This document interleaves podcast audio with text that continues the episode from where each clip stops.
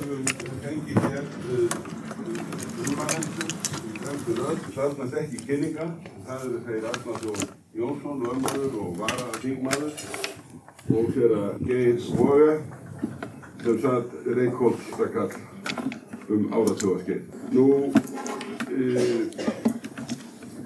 síðan að loknum uh, framsögum þeirra þá verður orðið frjáls og það er þið frjálsa orð sem ekki er gildi og uh, uh, menn eru kvættið til þess að, að taka hérna bás en að uh, þessum orðum sögðum að þá vil ég gera þá tilögu til fundarins að við kjósum önnu Björgu sem fundastjóra.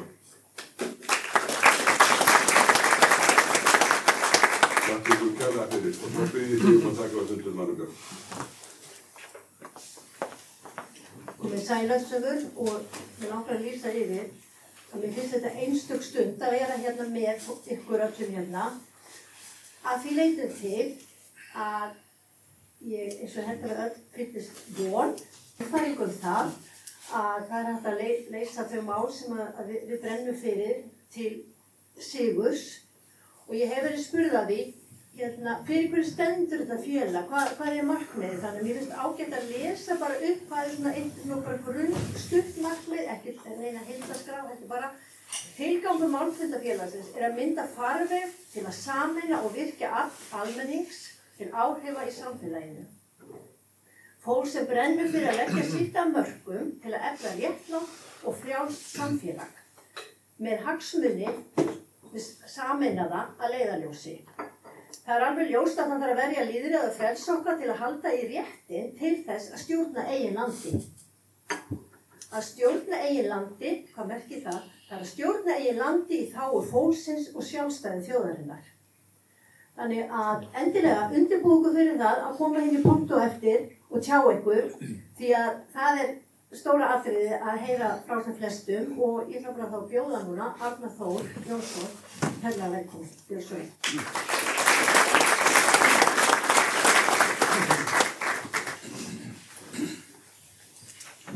komið sæl og takk fyrir að bjóða mér að koma ykkar. Ég hérna e, vil gætna leggja svona þessari umræðu lið því að þetta hefur verið mér hugleikir. Þegar ég kom í þennu gættin á hann mætti ég manni sem kynnti sig sem Ásker Pétursson, hann situr hér einhvers staðar.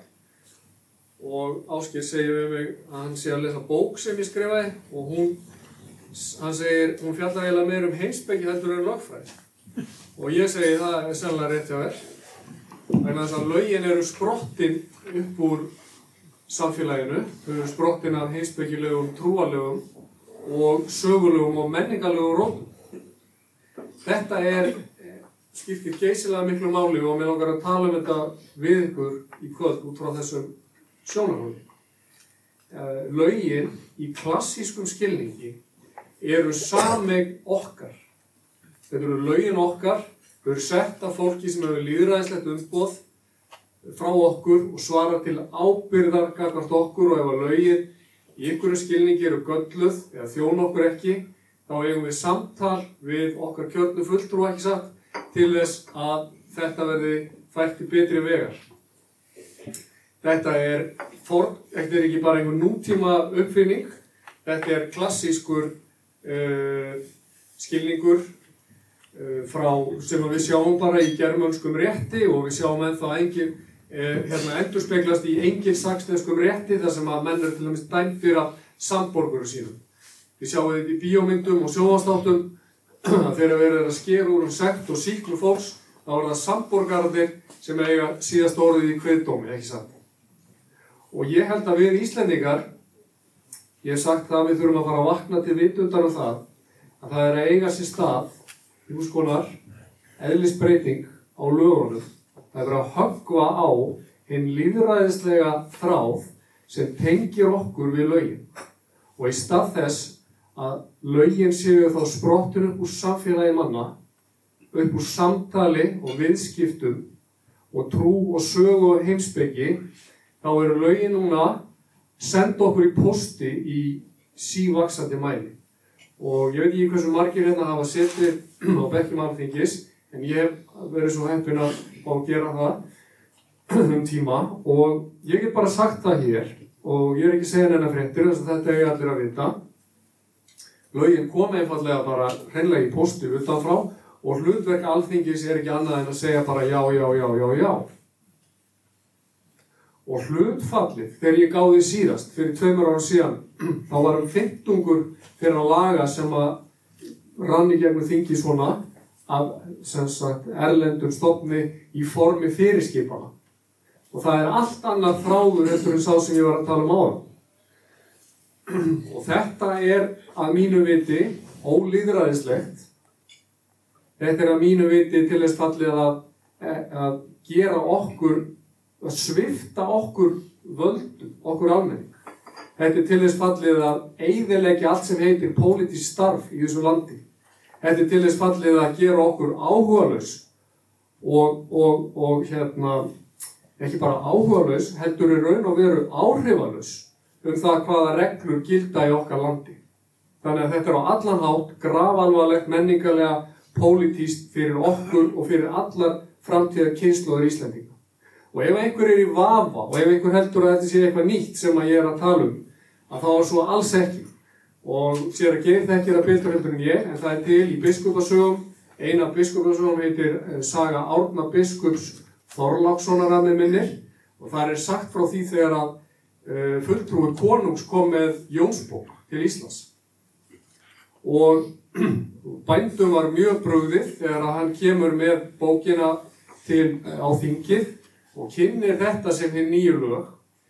Og af hverju var skildin og bændum á Íslandi hafa verið svo brúðið af vegna þess að þau, þau er einfallega bara þau er einfallega bara skildu ekki þessa hugmynd um lögin. Það er að segja að lögin gætu komið bara síð svona í einni bók utanfrá því að áður hafði þjóðveldið verið hér lifandi í því formi að lögin voru sögðu lög sem hefur vaksið upp í samfélagi manna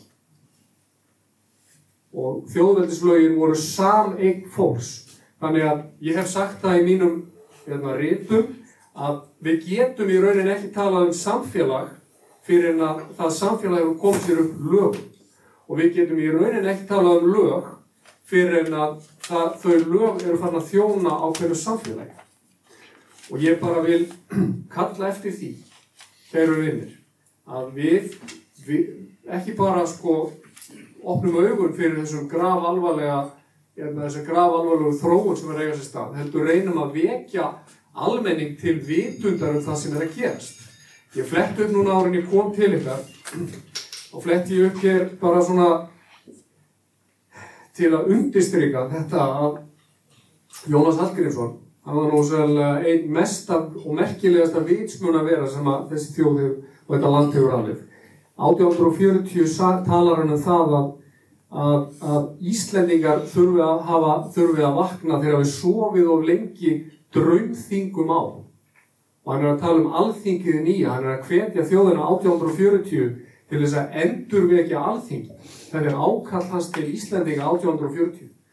Og um daginn vitnaði ég grein í morgunblæðinu til Jóns Helgasonar sem var merkilegur maður, profesor í íslensku, hann skrifa 1951 svo þjóð sem dottar dáðlös vilja sló og dillar þeim er ljúa blekja svíkja skal fyrir en varir hrend í harða kló.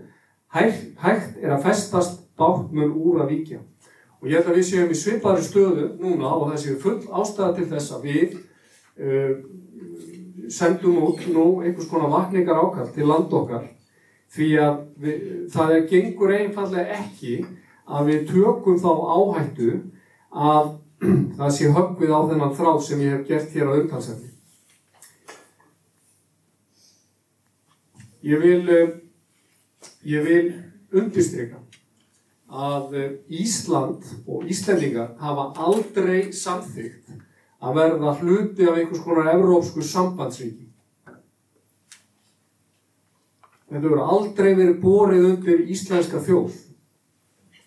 Það hefur vissulega verið gert e, víða á meginland Evrópu og breytum var sínt svo virðing að þeir fengu að kjósa það hvort þeir vildu vera áfram í þessu eða ekki.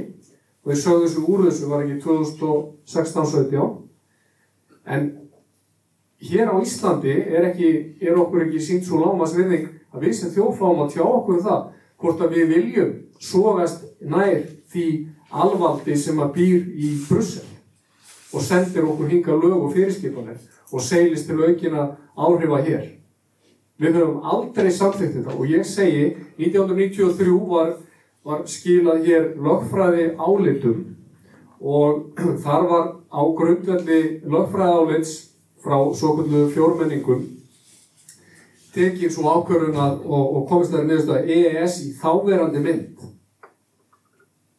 Takk ég eftir, í þáverandi mynd 1993 sem eru núna 30 ár liðin síðan samræmdist íslensku stjórnarskrán og það var með herkjum talið samræmast íslensku stjórnarskrán nú eru 30 ár liðin og að mörguleiti hefur orðið eðlist breyting á því samstarfi sem að við gerðum staðilar af því að þetta er ekki lengur bara viðskipta legs eðlist, þetta er margt annað. Og tegið sér yfir svið sem að engan óraði fyrir þetta myndi ná utanum með þess að komið inn á svið loft, loftslagsmála, ekki satt? Og ef að þetta var spurning árið 1993 hvort þetta samræði stjórnaskar á lífveldisins Íslands þá ætla ég að fullera það hér í, í þessum ræðustól nú að svo staða sem við stöndum fram með fyrir árið 2023 samræmist ekki lengur stjórnaskar og það að það er að fara að ganga nú enn lengra í þá átt að vangstífa alþingi og grundvallarstofnarnir okkar lífveldis er þá sko komið út yfir og út fyrir öll þau mörg sem ég hefði sagt að væri, væri ásættanlega. En ef hins vegar vilji þjóðarana stendur til þess að gerast aðilar af Európusambandinu í því formi sem það er nú, þá er það bara ekkert nema gott um það að segja ef það er líðræðislegu vilji þjóðarinnar.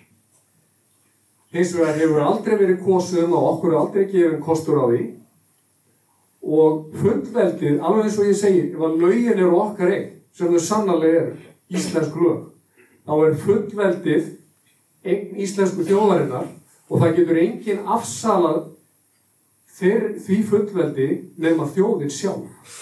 Og alþingi leifist ekki að saksa fullveldi niður í svo smáum sneiðum að fólk taki ekki eftir fyrir það er farið.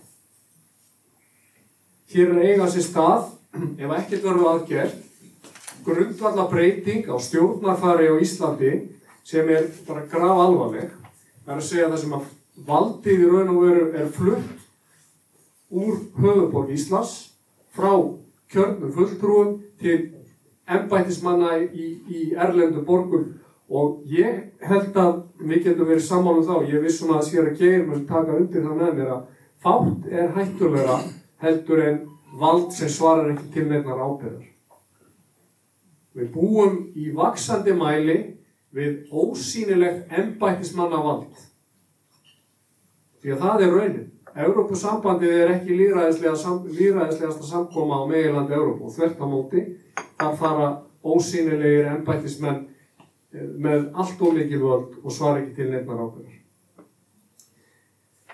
Þannig að ég veit ekki hvað ég á að hafa þetta mikið lengra en ég hef vissulega margt að segja og ég veit ekki hvað þið hafið mikla, hérna, mikla þólumæði til að hlusta á, á þetta en það sem að það sem að ég held að sé þó áhugavert fyrir ykkur að hlusta á væri kannski bara örstuti punktar. Það er að segja að ef við stöndum fram með fyrir þessari grundvalla breyting á því hvernig lögin verða til það er að segja þau eru ekki þá lengur í sama mæli sett á þjóðkjörnum fulltrúum að undangenginni svona undangenginni hérna, samræðu við all, allan almenning og undangenginum pólitísku starfi að þá verða þau til e, hjá embættisveldinu og það eru lobbyistar eh, sem að starfa í Brussel. Síðast er í gáði voru það 170.000 uh, ennbætismenn og lobbyistar nýri í Brussel sem er að handla með þær reglur sem að við eigum þá að búa við. Og þetta eru reglur sem eru rættar á bakvið luktar dyr. og það er í rauninni afskaplega lítil eh, líðræðislega aðkoma að þessu og, og Evrópusambandi er rauninni orðið eins og einhvers konar laga verksmiðja og þetta dýnur yfir okkur og ég, ég notaði þá samlíkingu um daginn að því að Sigur Lindahl sem að nú kennari minn, hann talaði um að eina réttar heimildunum á Íslandi væri réttar vitund almennings. En svo vitund dofnar augljóslega þegar að það buna yfir okkur lög í tonnavís nánast þannig að við veitum ekki hvað snýr upp og niður. Og þetta er íþingjandi fyrir almenning en þetta er líka íþingjandi fyrir íslensk fyrirtæki sem að geta ekki staðið undir þessu. Og þetta er rauninni umhverfi sem þjónar stærri fyrirtækjum mun betur heldur en venjulegum íslenskum fyrirtækjum ekki sant, sem flest eru smá eða meðalstóra á euróskan mælikvæm. Það þarf geysilega mannafla og fjármagn til þess að standa undir því að aðlaga sig öllu þessu nýja regluverki sem dynur yfir frá degi til dags. Og það sem er líka umhugsunarvert og alvarlegt er að þetta embætismannaveldi í Brussel nýtur liðveislu embætismanna í aðeldaríkjónum og þar meðan á Íslandi. Þannig að staðan er svo þá að íslenskir embætismenn er að sumuleiti farin að starfa meira í þáu erlendsvalds heldur en í þáu íslenskra, þjó, íslenskra þjóður. Og einn punktur í viðbót sem ég vil nefna og er mjög umhugsunarverður og hann er þessi. Og bókun, bókun 35 e, var einhvers konar, konar málameðlun á sínum tíma sem hvað á hann það, það skildi eftir fremsta megni turka hérna, réttin til samræmis við e, Európarið, ekki svo. Og og og nú er verið að breyta þessu með því að leggja fram á alþingi frumvar sem að hljóða svo, það er mjög stutt og allir geta skilið þetta það er lagt til nýtt ákvæði sem hljóða svo ef skýrt og óskýlirt lagákvæði sem réttilega innleiði skuldbindingu samkvæmt EES-samningum er ósamrýmalegt öðru almennu lagákvæði skal þið fyrrnemda, þar að segja EES-rétturinn, ganga framar nema alþingi hafi mælt fyrir um annað. Og svo kemur setnisetningin, sama á við um skuldbindingar sem eru innleitar með stjórnvaldsfyrirmennu. Og nú ætlum ég ekki að hljóma sem svona einhver talibanni sem að vil bara fara í stríð og vera rosalega vondur og leiðiður. Ég, ég held raunverulega að þetta ákvæði sé meingallað og það sé hægt ef að menn bara vilja reyna það að búa til einhvers konar málamilun eða að það væri hægt að bera vopn á klæðin. Eða öllu heldur klæð á vopnin. Ég er ekki að fara að bera vopn á klæðin klæð á vopnin og friða þetta mál því að augljóslega er bara alvarlega fingurbrjótar í þessu frumarti en það væri lagatæknilegt að fara út í það hér og ég ætla ekki að gera það. En ég ætla að segja að að og þetta er mikilvægur punktur og ætla, þetta er loka punkturinn minn að við verðum að skilja hvað við erum að fást við. Og við erum að fást við stærstu lagaversmiðu í sögu mannkynsins sem að þetta eru töyið þúsunda blaðsina af lögum og reglum sem að er, er þessi sagt, réttur ESB í dag og aðal atriðið þar er að það sé réttar eining á milli allara þessara aðeldaríkja Európa-samfattins. Við vitum þetta, við vitum þetta allir. Og normenn hafa sett lög sem að hviður á um forgang, það hafa Íslandingar ekki gert en þá, en mér er tjáð að á árinu, ég heyrði það á árinu 2021, að Ísle, íslenski ráðamenn hefðu lofað að laga íslenskan rétt af þeim veruleika sem við erum að tala um hér. Það er að segja, það er réttar eining. Spurningin er, uh, geta íslenski ráðamenn gefið slíkt lofur, kakvar kollegusunum í útlandum, hafa íslenski ráðamenn einhver umbótt til að veita slíkt lofur, bera íslenski ráðamenn einhverja trúnaðaskildu gafvært erlendu kollegusunum, ennbættismönnum í útlandum eða erlendu stjórnmálamönnum, svarum eitt einfall, nei, þeir bera enga slíka skildu. Gagvart hverju bera íslenski ráðamenn slíkar trúnar og hotlustu skildur? Svara við því er einfalt. Gagvart kjósendum sínum og íslenskum borgum. Og íslensku ráðamönnum leifist þar að leiðandi ekki að ganga um og lofa upp í ermin á sér eitthvað verði gert og þetta eru atrið, þetta eru atrið sem þarf að ræða fyrst og bera undir íslenska þjóð og íslenska kjósendur. Þetta er grundvallar atrið. Og uh, það getur vel verið að Európa-sambandi krefjist algjöra réttar einingar og, og heimti það af Íslandingum eins og þau gera pólverjum og þjóðverjum allir gangi í takt. Það breytt vandamál, eins og ég saði upp af því. Íslandingar hafa aldrei samþygt að ganga inn í slíkt sambandsrík.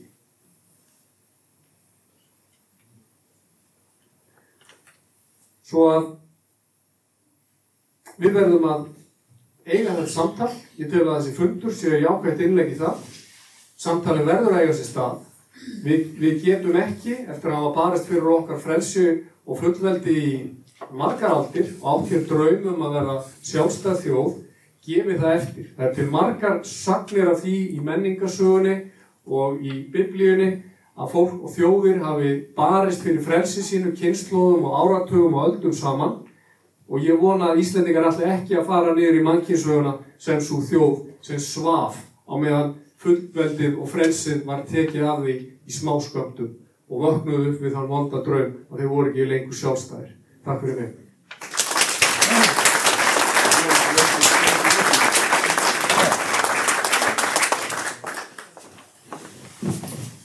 Þakkum Arnari Þór kærlega fyrir. Gerðan er ekki hér. Hérna, áðurinn að Geir vofir máls að þá veit ég ekki hvort þið tóku nokkuð eftir því en hérna það láðist að tilnefna fundaritara eða, eða eitthvað svona að taka niður punta. Þannig að Hald, Haldur Gunnarsson, hann var svona ákveð að tilnefna hann og Já, hann er þegar byrjaður, en hérna, ég satt minnast á þetta, ég þegar ekki tekið eftir þessu. En, en svona hafa þetta rétt, Halldór sérum að punkta niður. Þannig að næstur á Margaskrá, þá er hérna síðan Geir Bóver, gjörðu svo vel.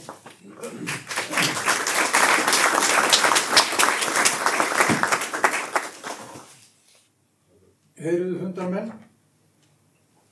Áhald var til í öndverðir í Íslands byggð sem að fáir kunna að nefna og enn færri vita til hvers var. Það var þrælsringurinn.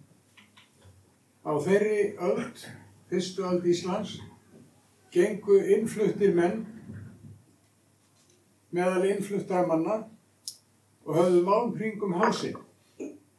Hann var þar til þess að gera eigendum þeirra og húsbændum auðveldar að snúa á niður og láta sér, hlýða sér. Þeir sem ekki höfðu svona hringum hálsinn voru frjálsir menn, fríhálsir menn. Þeir báru frjálsan hálsinn og enginn gatt með auðveldum hætti snúið á niður og byggt á undir vilja sinn. Frelsið er hins vegar orð sem við tökum okkur oft í munn og tölum stundum ísna fjálglega um en það er eins og með frelsringin að við leiðum sjálfnar kannski hugan að því hvað í frelsinu felst eða kann að felast. Mörgum er mjög kært frelsið frá.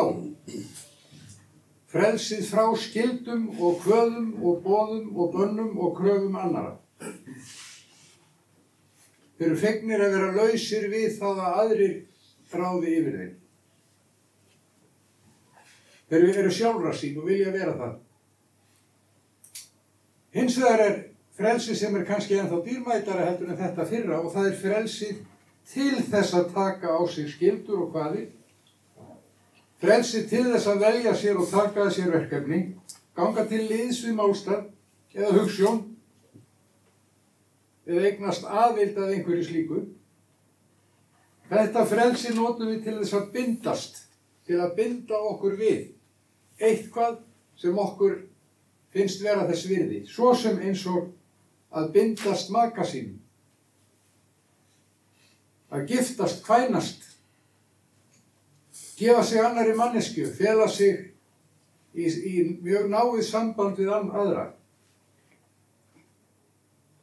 frelsi til þess að elska ættjörð sína, elska arfleifðarnar, sögu, menningu, jafnvel þjóðina, jafnvel þó stundum sjáist varla að hún gæti verið þess verð.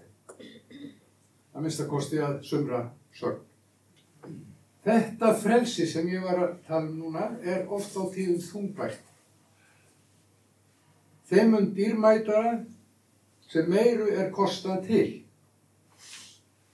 Sá sem þannig gefur sjálfan sig öðlast það sem er miklu meira en hann sjálfur.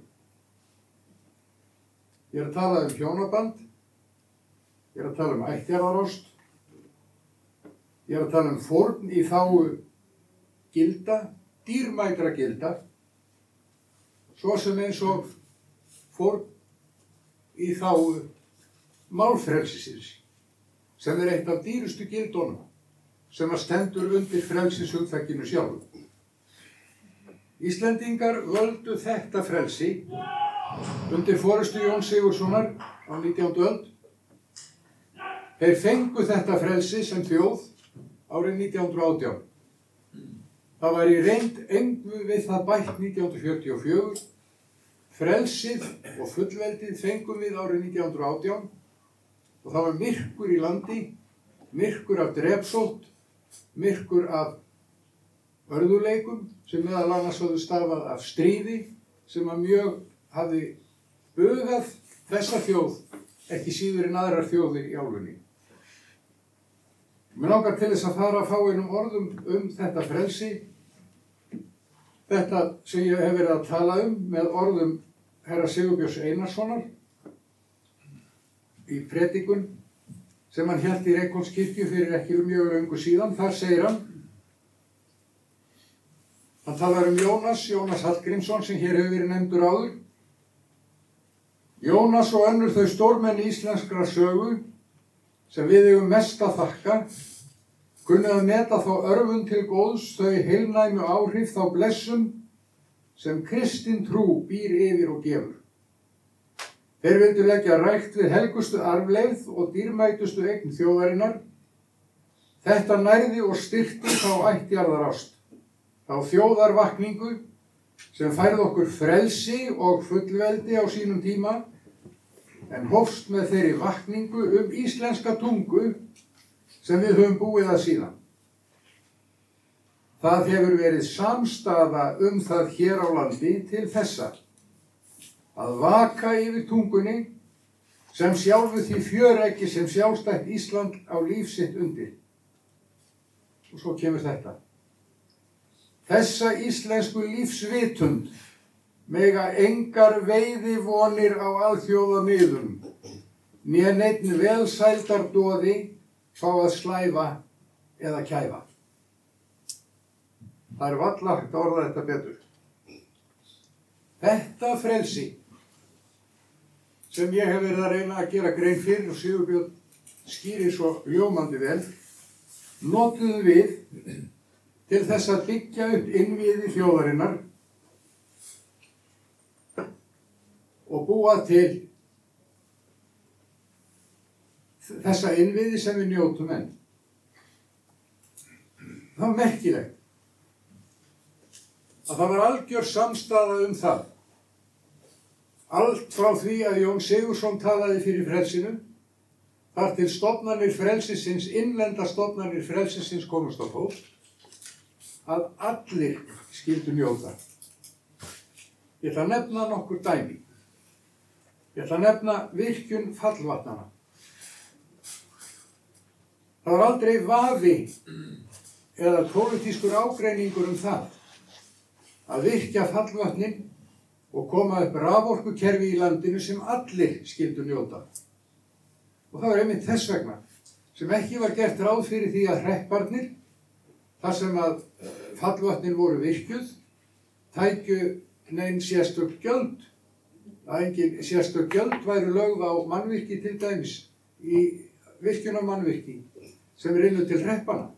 Það var heldur ekki gert ráð fyrir því að neinn sérstök gjöld er innu til ríkisins önnur en þau sem eðlilegt var að innheimta til þess að koma upp þessum mannvirkjum svo að allir fengi að njóta. Og það er ekki lengra síðan en svo að þegar ég gerist prestur í Reykjóldi í fyrra dag, þá var ekki nefna áratögur frá því að síðustu bæirnir í sóknunum mínum þar fengur rama.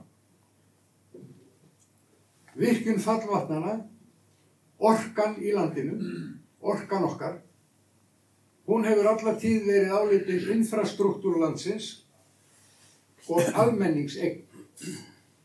Verður hún það miklu lengur? Kannisti við einhverja tilburði til þess að búa svo um hundana að hægt sé að enga væða orkuna eða komin í hendur enga aðila með einhverjum hætti, hefur bólað á því. Það er ekki mjög langt síðan við tókumst á um orkupakka. Það finnist nú reyndar mál á nokkru miskilningi byggt, en það var ekki á neinu miskilningi byggt það sem að átökin snéru um. Þau snerust um það hvort að Íslendingar ættu sjálfur að ráða þessari náttúru auðlind sinni og njóta hennar sjálfur. Ég ætla að nefna fiskimiðin við landin. Jónas Hallgrímsson sem hér var nefndur, hann gerði grín að okkur þjóðsynni eins og verðt var og er og segir í borðsálmi vissna skemmtilegum að þeir ítist með árum á bárum og í næsta vessi segir hann þeir ætla nú að egnast skip þótt enginn kunna sigla. Áraskipin urðu að vélbátum og skipin sem enginn kunni að sigla fengu líka guðuvélar og urðu að tógurum og við eldum til útgerðar á Íslandi og bæði þessi útgerð á litlu skipunum og tógurunum gerðist um landið allt. Gerðist á þeirri forsendu að menn björguðu sér og björguðu þar með öðrum og björguðust allir hver við annan. Við eignuðumst öfluga útgerð sem var undir staða að mikilli uppbyggingu á öndverðir í síðustöld.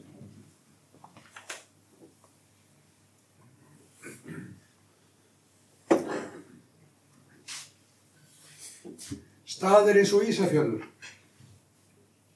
Var, þaðan var veittur fiskur, þar var verkaður fiskur, hann var fluttur til útlanda og seldur í skipum sem að þeir menn sem að þessa auðjustundu áttu sjálfur.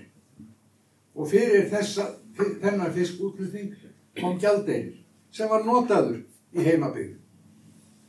Þetta á við um Vestmannegar, þetta á við um, um plássin fyrir Norðanland, Austanland, Sunnanland, þótt haflítil væru, Vestfjörðum og Vesturland. Þetta á við um allt Ísland. En þá kom upp svo hreyfing að það þyrfti nú að hafa stjórn á þessu. Það var gert með því á þriði áratug síðustu aldar að ákveða það að hver einasti sporður sem dregin var úr sjó við Íslands strendur þyrfti að koma við í Reykjavík áður en að fóru á eilendan markað. Og ekki nóg með það. Það var líka ákveða hver einasta króna eða eirir eða, eða sent eða hvað er heita þessar myndir út um heiminn þyrftu að eiga viðkomu í banka í Reykjavík þar sem þeir eru verðlagðar og þaðan eru þeim ráðstafan. Með öðrum orðum, það var komið böndum á, ég segi ekki þrælsring á, menn það var komið böndum á þá, þannig að þeir eru ekki of frjásir, hvorki sem einstaklingar eða þetta á líka við um byggðina. Ástæðan fyrir því að gangstjættirnar á Vestmannegjum og Ísafyrði á Seyðisfyrði, bara svo þrjú plásíunen, eru ekki gulli lagðar. Ástæðan fyrir því að svo er, er að arðurinn all, allri þessari fiskverkun, allum þessu fiskúflutningi og allum þessum afla við Íslands strendur var ráðstafað hér á næsta bæ. Þar sem að gödurnar voru forargötur og húsin sem risu voru við götur sem voru heldur ómekkilegra heldur en þá var til dæmis á Seyðsfjörði. Hvað er ég að tala um?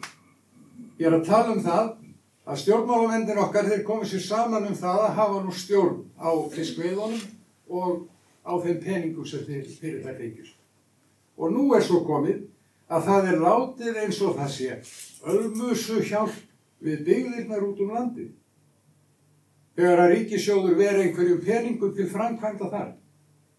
Og það er líka látið eins og það sé frá einhverjum tekið þegar að lagður eru fjármunir í vegi í landinu til þess að fólki komist um það. Ég er ekki að segja að, að frelsið hafi verið tekið af okkur, en sannarlega var komið böndum á þetta frelsi.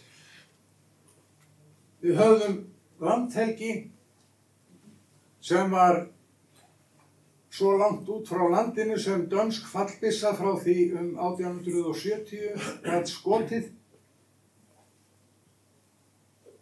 Við færðum hana út 12 mílur, færðum hana svo enn út í 50 mílur minni og nú er frekjan í landanum komin á það stig á þeim tíma að hann heimtaði 200 milna efnahagslögsögu og þjóðirna sem hinga til hafðu talið sig vera settar ekki að Guði heldur af sjálfum sér til þess að hafa stjórn á svona líð var náttúrulega ekki dánaði með það við færðum úr landtekina en nú er þessi regla, efnahagslögsaga 200 mílur strandríkja orðin almenn regla um heiminn alla. Ég ætla ekki að hætta mér út í það sem mér langar mest til að gera núna að tala um gótakerfi. Hér inni eru aðrir menn færar til þess. Ég ætla ekki eins og að leggja mat á það annað en það ég er alveg samfæður um. Þó það kunni að vera alveg rétt í grunninn að gótakerfi sé rétt og nöðsynlegt að þá er öruglega svigrum til að bæta það. Við komum upp skólakerfi. Við komum upp skólakerfi þar sem að ríkið tók það að sér að taka við fræðslu barnana úr hvaða höndum skildi þannig hafa verið á sín tíma. Jú, þetta var sem sé auka starfi hjá prestum landsins að kenna börnunum með að sjá til þess að það væri kent að lesa, skrifa og reikna. Og það skólakerfi var þó ekki verra en svo að um 1800 þá báru Íslendingar af um læsi í flestum nágrannar löndum.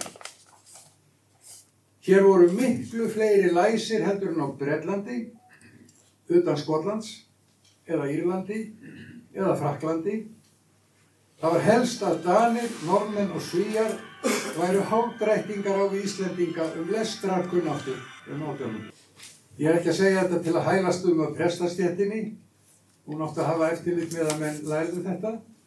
Ég er bara að segja þetta til þess að minna okkur á það að við höfum stundum staðið þokkalega í lappinnar. Kanski vegna þess að við vorum löngu búin að gleyma þrælshringnum og því sem hann stendur fyrir. Við byggum að menningu okkar og sögu og minningum þjóðarinnar. Og við byggum að kirkju og kristni.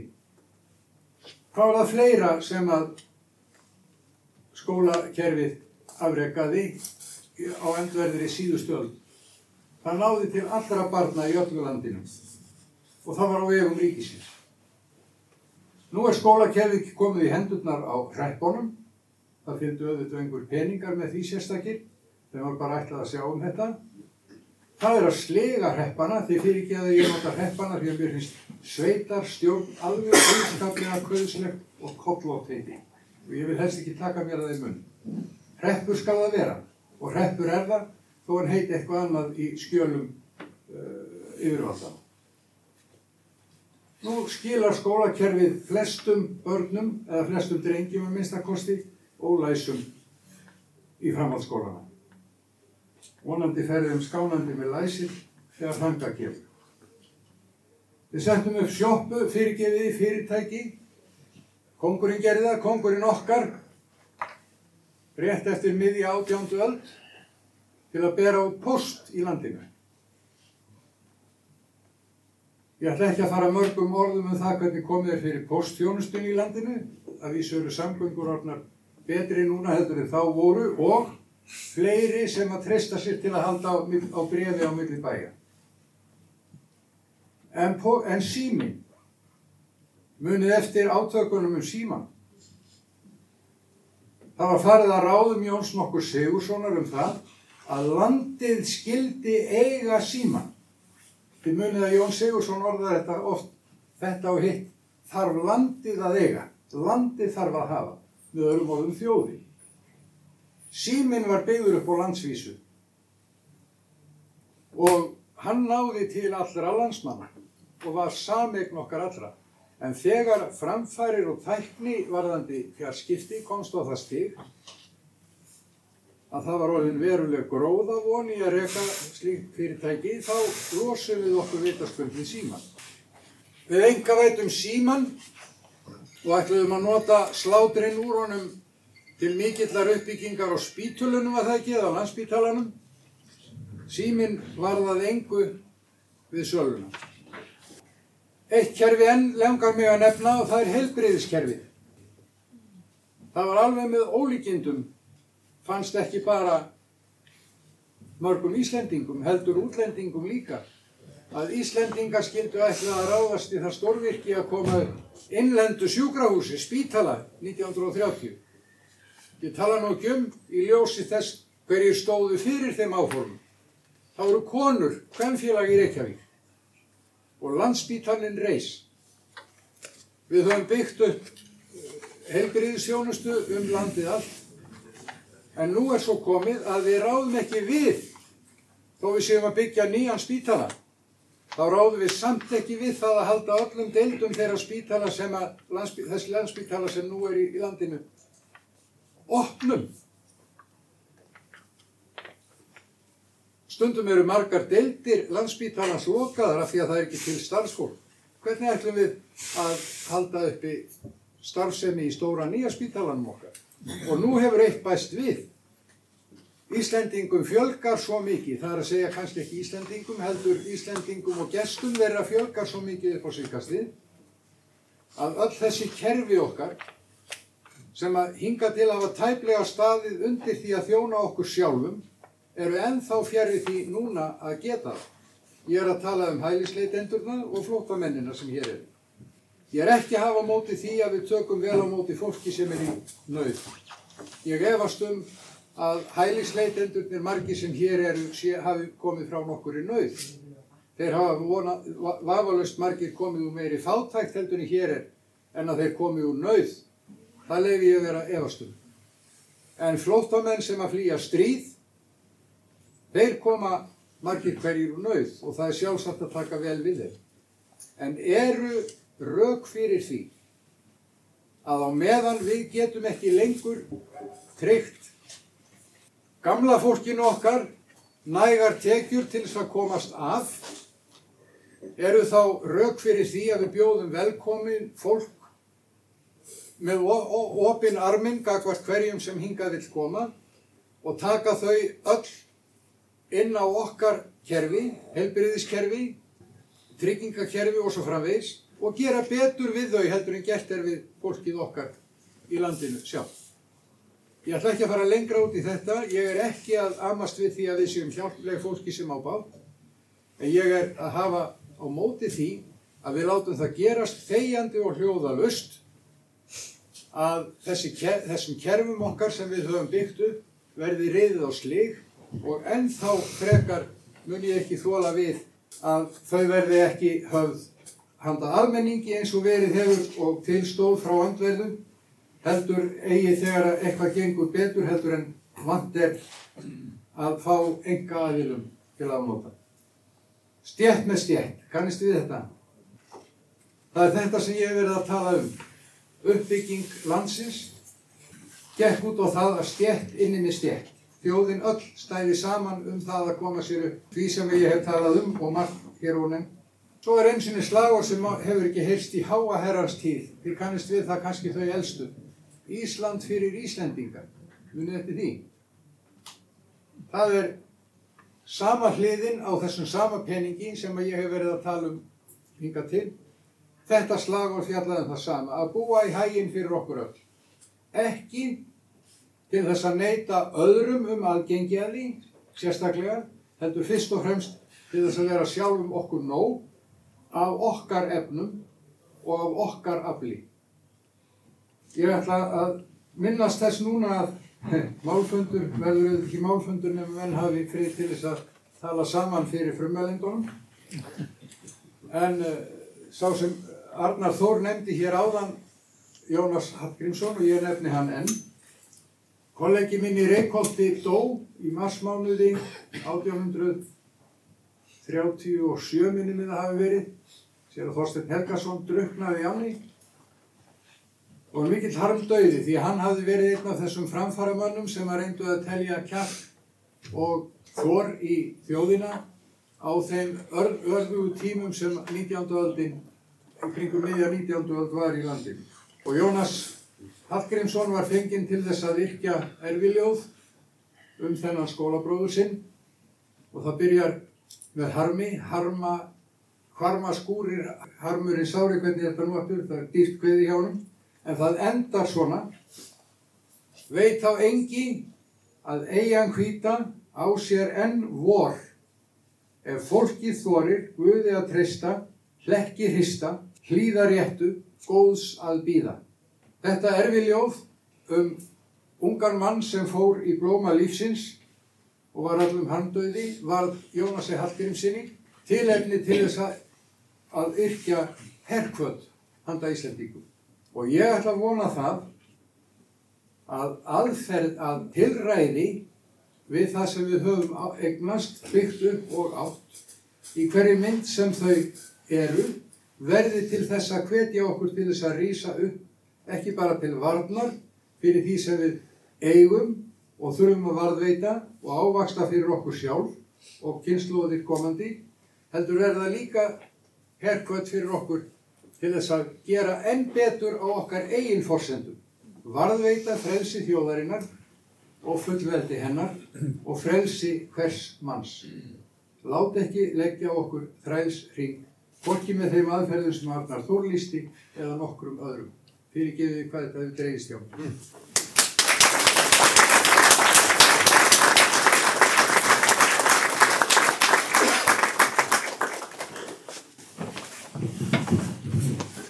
Þakkum sér að geið vogaði kærlega fyrir